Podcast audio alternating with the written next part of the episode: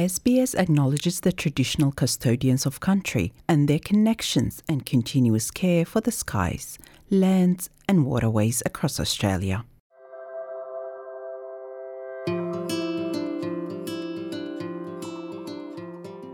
You're listening to Australia Explained, an SBS audio podcast helping you navigate life in Australia. Embracing the great outdoors is a cherished tradition in Australia, with parks serving as a versatile havens for many activities. These green spaces offer endless possibilities, from dog walks to rejuvenating relaxation, energetic workouts, and vibrant social gatherings. Our parks are like people's backyards, so we have signage that encourages people to share and respect the spaces that we provide. I'm your host, Maram Smail, and in today's episode, we'll delve into essential tips for making the most of public parks across Australia while ensuring a delightful experience for all. Did you know that Australia is home to over 50,000 urban parks? Sydney alone boasts 400 of them, ranging in size from pocket parks and suburban reserves to heritage listed gardens. Joel Johnson is the manager for greening and leisure in the City of Sydney Council. He says while in some cases responsibility for public green spaces is shared with the state government, trusts, or other entities, management of urban parks commonly falls under the responsibility of the city council they are situated in. This is why rules may vary, and Mr. Johnson advises people to always check what applies in your area each council area, each local government area does have different rules. I think you would, in the main, find them very similar, but depending on where you visit in Australia, there may be different issues or, um, you know, facilities or things happening in that local government area. So, very important to check with your local council. In addition to public safety considerations, city park regulations aim to ensure a harmonious experience for everyone.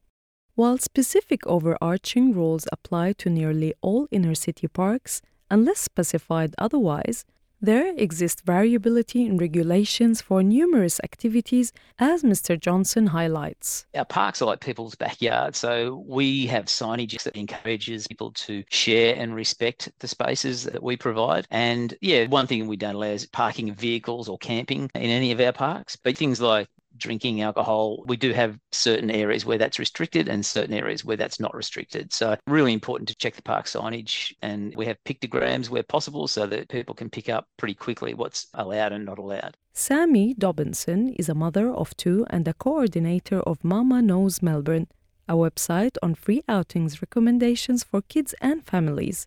She has visited most green spaces in her city. She says few park rules would limit parents and children in their activities. However, an entirely different set of regulations comes into play regarding larger parks. Places like botanical gardens where you can't kick a football and there might be some, you know, regulations about ball sports or large parties of people gathering in some botanical gardens. Ms. Dobinson says that many aspects of parks and playground etiquette are simply a matter of common sense.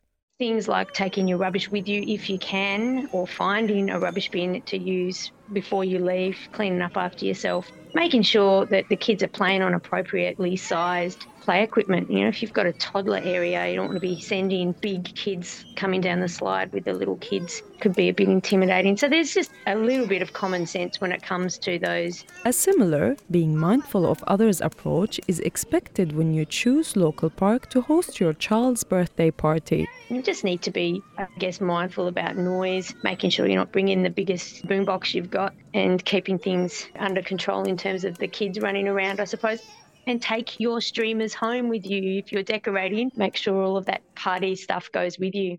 When arranging a modest gathering, locations like barbecue spots and other areas within parks are generally accessible on a first come, first served basis. However, obtaining a booking or a permit could be necessary for larger occasions, such as weddings and year end celebrations, as well as activities that entail significant crowds or possess commercial undertones.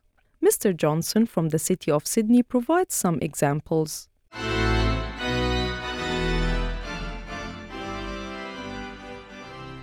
We have a few spots that are popular for weddings. So, for example, Observatory Hill Park is very popular for weddings, so you do need to book in those locations and events that would typically need approval are things that are going to have a major impact on the park or you know very large concerts or uh, markets or commercial activities where you're selling things, those sorts of things need approval. And so our venue management team would consider what you're wanting to do, They say yes or no, and then provide conditions of use if it's approved. If you are planning to have a barbecue, don't forget to check for fire ban signs or the local council's website for rules around starting wood fire or charcoal fires. It's also important to check your state or territory's local fire danger warnings and bans. As for professional trainers conducting fitness or wellness classes in parks, it may also be required to get approval from the City Council and sometimes pay a fee. Scott Hunt is the founder and CEO of Fitness Enhancement, a personal training business operating across three states, specializing in outdoor sessions. Mr. Hunt explains how the permit system for personal training sessions in parks works in Brisbane. If you're training less than 10 people at once, see typical one on one, two on one personal training, you need a permit, but it's free. And then if you have a group of more than 10 people, such as a boot camp, then you do need to pay for a permit, and that's about $1,200 per year. Obviously, have a bigger impact on the environment and the community if you've got groups of 10 or 20 people. The Council's underlying reason for regulating commercial activities within parks is also to uphold public health and safety standards. The great thing about them saying you need a permit is it helps them check that personal trainers are actually qualified and insured who are working in the parks. From the consumer point of view, what they should also be doing is actually looking at that person and going, do they have the appropriate council approval?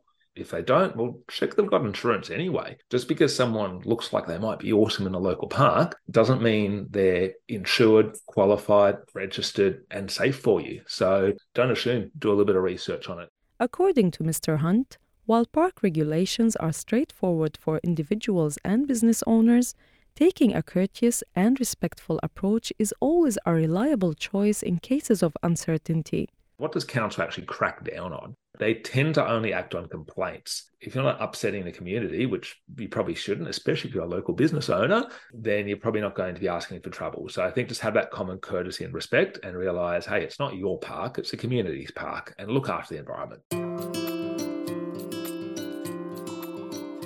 Thank you for listening to this episode of Australia Explained, written and produced by Zoe Thomaidou and hosted by me, Maram Smail. Australia Explained managing editor is Rosa Germian. Until next time. This was an SBS audio podcast. For more Australia Explained stories, visit sbs.com.au slash Australia Explained.